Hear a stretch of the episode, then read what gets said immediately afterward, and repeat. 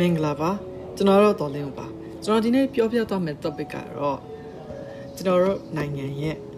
အနာဂတ်နဲ့ပညာရေးပဲဖြစ်ပါတယ်ဆိုတော့ဒီနေ့ topic လေးမှာတော့ကျွန်တော်တို့ပြောမယ့်အဓိကအကြောင်းအရာ၃ခုရှိပါတယ်နံပါတ်1ကကျွန်တော်တို့ပညာရေးစနစ်ကလက်ရှိအခြေအနေတွေအားနည်းချက်အားသာချက်တွေပြီးရတဲ့အခါကျရင်ကျွန်တော်တို့ကမ္ဘာနိုင်ငံအသီးသီးရဲ့ပညာရေးစနစ်တွေနဲ့ကျွန်တော်တို့နိုင်ငံရဲ့ပညာရေးစနစ်ကိုနှိုင်းယှဉ်ပြတာတွေပြီးရတဲ့အခါကျရင်ကျွန်တော်တို့နိုင်ငံရဲ့ ရှစ်ရှောက်လာမယ့်အနာဂတ်မှာဖြစ်လာနိုင်ရရှိတယ် potential education change တွေပြီးရင်ကျွန်တော်တို့နိုင်ငံရဲ့စီးပွားရေးလူမှုရေးပြောင်းလဲတွေလက်ရှိချင်းတွေကနေပြီးတော့ဘယ်လိုမျိုးတရားဥပဒေရှိမလဲဆိုတာကိုကျွန်တော်တို့ဒီနေ့ပြောပြသွားမှာပဲဖြစ်ပါတယ်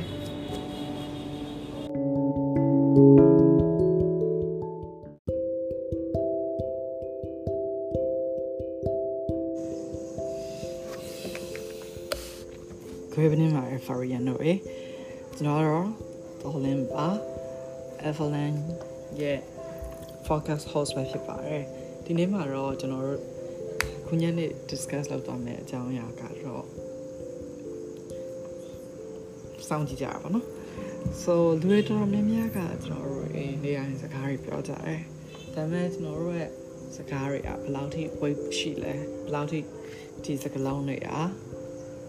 ဆွမ်းရှိလဲဆိုတော့ကျွန်တော်တို့မသိကြဘူး ဆိုတော့ဒီနေ့မှာကျွန်တော်တို့တွေအတူတူစီစကလုံးနဲ့ဆိုတာကိုလေ့လာကြည့်ကြမယ်နော်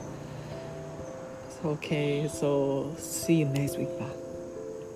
Good night